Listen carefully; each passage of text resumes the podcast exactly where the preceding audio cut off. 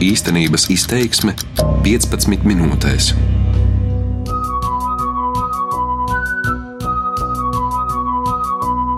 Imanta Kalniņa dziesma ar Olafa Gutmaņa vārdiem ir viens no Latvijas tautas frontes simboliem. Tautas fronte dibināta 8. oktobrī pirms 30 gadiem. Neparastā ātrumā tā izveidojās par vismasveidīgāko tautas organizāciju Latvijā un aizveda līdz valstiskajai neatkarībai. Ar laika distanci arvien lielāku vērtību iegūst ne tikai cilvēku atmiņu stāstu par šo laiku, bet arī dažādi priekšmeti, kas ir zīmīgas laika liecības. Tieši pēdējos gados ar tām būtiski papildinājies Latvijas Tautas frontes muzeja krājums. Mani sauc Baiva Kušķa, un tieši caur priekšmetiem es šoreiz raudzīšu atklāt Tautas frontes laiku un atmosfēru.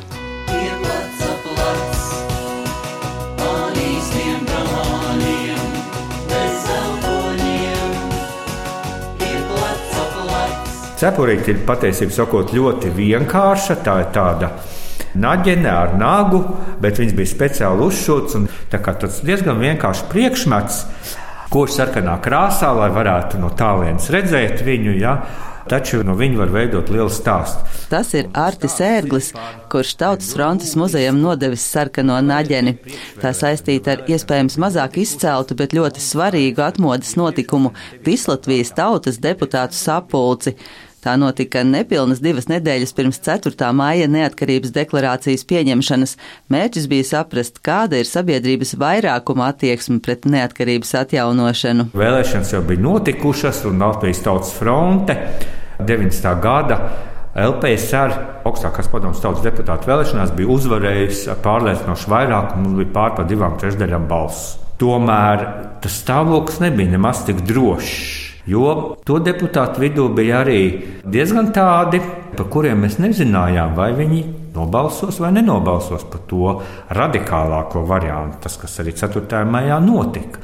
Un vajadzēja dažādas pasākumus, kas ļautu pārliecināt, ka visa sabiedrība, patiešām absolūti lielākā daļa, divas trešdaļas, ir par to, lai Latvijas republika atjaunot neatkarību. Un viens no tādām idejām bija vēl pirms 4. māja, aprīļa beigās, sarīkot Vislatvijas tautas deputātu sapulci.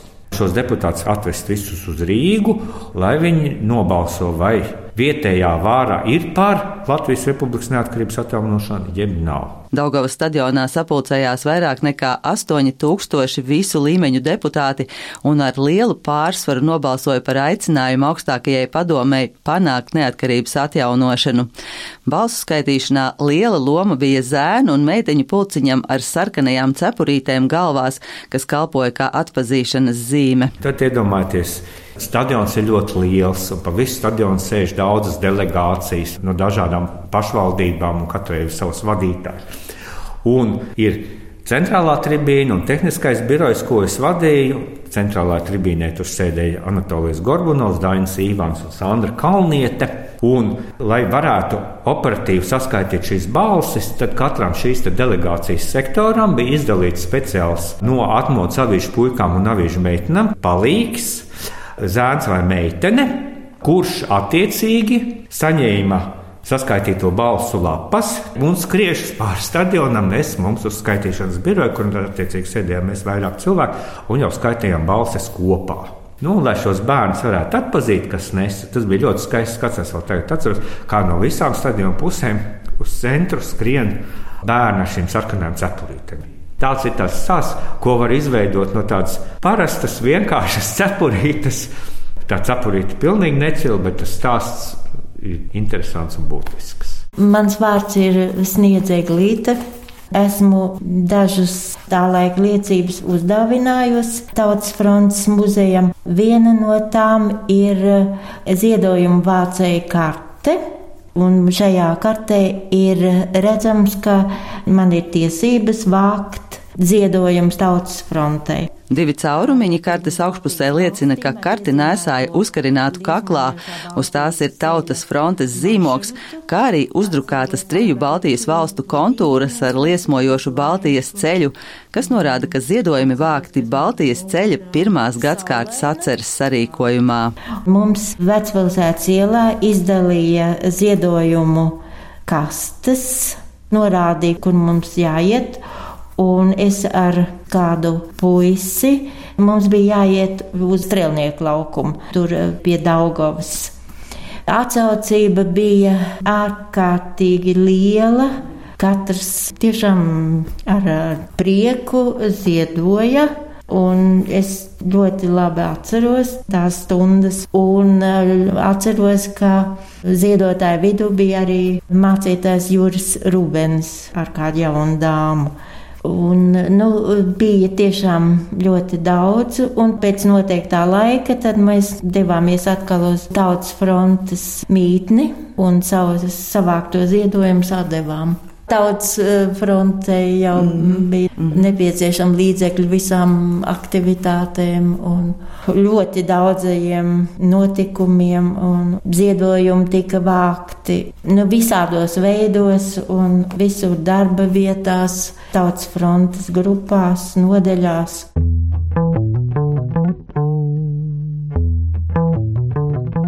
Katrā ziņā ko atcerēties ir.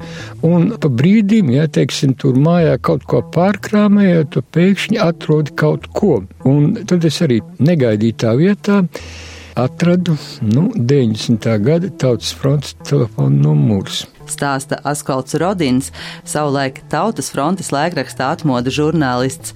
Ja kabatas formāta telefona grāmata viņam savā laikā šķita kaut kas pavisam nenozīmīgs, tad tagad tā ir jau ļoti interesanta vēstures liecība. Es biju no tiem, kas sēdēja un strādāja uz vietas, un man patiesībā to telefona grāmatiņa nebija vajadzīga. Ja es varēju aiziet tā teikt stāvu augstāk vai stāvu zemāk un bez jebkāda starpnieka.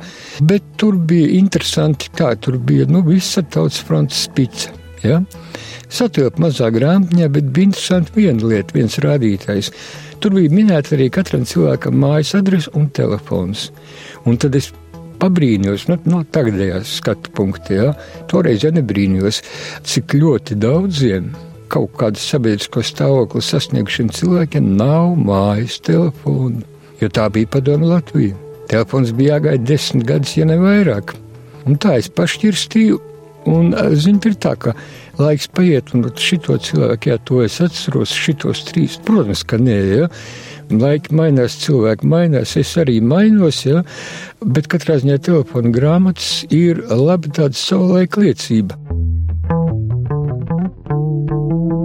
Mani sauc Ruta Barauska, un es 1988. gadā iesaistījos Latvijas Tautas frontē, un tā kā biju Lietvede, tur sekretariāta vadītājā, mēs tur bijām daudz tādu brīvprātīgie. Un tajā laikā, kad mēs atbraucām jau uz vecpilsētas ielu, tad mums radās tāda baidzība, ka mums tur nāca arī kādi viesi un žurnālisti, un var kādreiz vajadzēja arī kafiju pacienāt, un, un mums nebija trauku. Un tagad šodien es esmu devusi Tautas frontes muzejam tās krūzītes, tādas zilas, Ļeņingradā ražotas. Tanī laikā tās bija tādas diezgan stilīgas, tumšas zilas, tādas krāsojums. Lai arī tagad atdotas muzejam, zilās krūzītes Latvijas Tautas frontes vajadzībām nekad netika lietotas. Lietošanā bija daudz vienkāršākas, sarkanas ar baltām pumpiņām, bet zilās Ruta Barauska jau pirmajā dienā atpirka sev. Tas stāsts ir tāds, ka Mums bija sagādnieks, man liekas, ka viņu sauc Valdis, un es viņam palūdzu, lai viņš aiziet uz sakti, jo tas bija tas labākais. Nu, tāds viens no veikliem, kur varēja kaut kādas traukas nopirkt. Un nopērka kafijas krūzītes un apakštasītes. Iedeva viņam naudu, mums jau bija grāmatvedi un cilvēks, kas ar to naudu tur darījās. Tad mums deva tādas līdzekļus, kur mums bija jāpiestāda čeki atpakaļ un, un jāatskaitās par tiem līdzekļiem. Un es tam valdim lūdzu, no nu, aizēja, atnes mums sešas krūzītes un apakštasītes, lai nu mums tā cilvēcīs katram pašam, jo mums tur bija kaut kāda krūze. Bez kafijas dzeršanas jau nedzīvojām. Un viņš tagad atnes man tās krūzes. Sešas, tumši zilas ar zeltu, brīnišķīgas krūzes, bet nu ļoti dārgas. Un es viņam saku, nu, kāpēc tu ņēmi tās dārgākās? A, tur tā lieta tāda, ka tur ieiet pie saktas tām meitenēm un saka no Latvijas tautas frontes, nu visu cieņu, nu tur to labāko arī piedāvā viņam. Bet, nu, es tam valdim saku, nedošu tās krūzes, es viņam samaksāju savu naudu, un es saku, aizēju un nopēc tās lētākās krūzes. Nu, toreiz tā bija. Saprotiet, ka tā padomā, ka Latvijas cilvēki rubļi tad bija. Kā viņi nesa tos rubļus? Tur bija milzīga atbildība arī to saziedoto naudu tērēt ļoti taupīgi. Nu, un, un tagad tas valdes, jā, viņš atnes man tās krūzītes, tādas sarkanas ar baltām pumpiņām, un tās arī frontē palika, bet nu, tās zilās es atnesu uz māju. Tā kā bet, autentiskās sarkanās krūzes līdz mūsdienām nav saglabājušās, Ruta Barauska uz muzeju aiznesa zilās, jo kā nekā tās arī ir ļoti spilgtas sava laika liecinieces. Tā kā tas tā paliek vēsturē ar tādu domu, ka Tā laikā, 88. gadā, vajadzēja lielu blatu, lai nopirktu smukas krūzes, jo nu, deficīts, man liekas, 88. gadā bija pilnīgi viss. Bet dabonams tas viss bija pa sānajām, un tagad jaunā paudze jau to nemaz nesaprot, mm. ka tas tā var būt. Karoga uzgalis, ja es nemaldos, ir no misiņa ar eh, brīnišķīgu auseklīti, Un ar šo karogu mēs piedalījāmies visos pasākumos, kas tika organizēti skolā un arī ārpus skolas. Atceros, Karoga kāta uzgali uz Tautas frontes muzeju atnesis Andris Tīļa. Atmodas gados viņš bija Rīgas otrās vidusskolas direktora vietnieks audzināšanas darbā, un viņu ievēlēja arī par skolas Tautas frontes grupas vadītāju. Tas laiks bija īpašs. Un eh, toreiz arī parādījās mūsu sarkanbalts sarkanais karoks, un karogam vajadzēja karokātu. Bet toreiz tādu standarta karokātu nevarēja dabūt nopirkt veikalā, tāpēc vajadzēja pielāgot kādu citu. Protams, tas neatbilda standartam, un mums bija ļoti grūti atrast arī karoga uzgali. Citi izlīdzējās ar to, ka vecos padomu laika karoga uzgaļus pārveidoja, izāģēja tās krievu sarkanās zvaigznes un sirpu nāmu ārā no tā karoga uzgaļa. Bet mēs gribējām auseklīti, jo tas bija tas rīta simbols, mūsu svētākais simbols.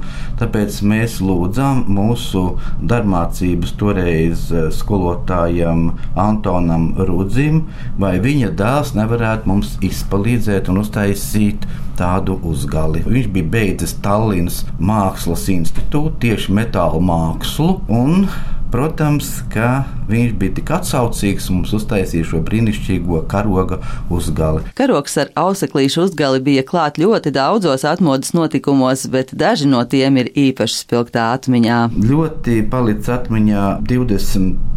5. janvāra diena, kad mēs atvadījāmies no Basteikalnā nošautajiem cīnītājiem. Toreiz tā bija ļoti augsta diena, un es biju 6. B klases audzinātājs. Toreiz mums bija līdz šis karoks, un mēs visi stāvējām iepratī tagadējai Francijas vēstniecības ēkai. Un bijām šausmīgi satriekti par šo notikumu. Ja. Sestā B klase tie bija ļoti jauni skolēni. Viņi visu saprata. Un es domāju, ka šāda audzināšanas stunda viņiem tā bija ļoti noderīga, jo viņi bija klāt mūsu cīnītāju izvadīšanā. Nu, tas bija tāds ļoti emocionāls brīdis. Visi Latvijas radio uzrunātie kādreizējie tautfrontieši atzīst, ka atmodas laiks bija viens no pašiem skaistākajiem viņa dzīves notikumiem. Arī skats uz šodienu viņiem visiem ir gana optimistisks, ar piebildi, ka, protams, ir lietas, ko varējām attīstīt daudz veiksmīgāk. Andru Tīļu, piemēram, īpaši satrauc sašķeltā Latvijas sabiedrība, kas ir pilnīgs pretstats tam, kas notika uz barikādēm un kas bremzē pozitīvu virzību.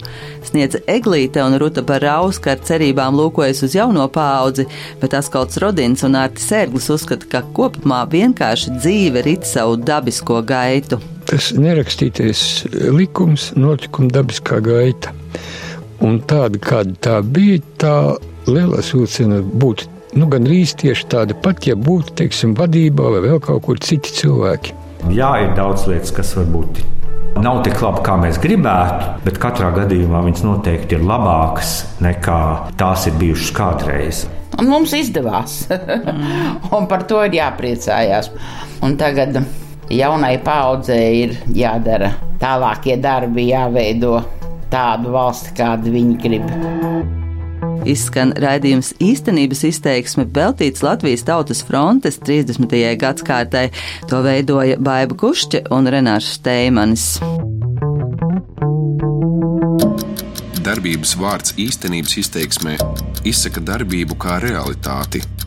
Tagatnē, pagātnē vai nākotnē, vai arī to noliedz.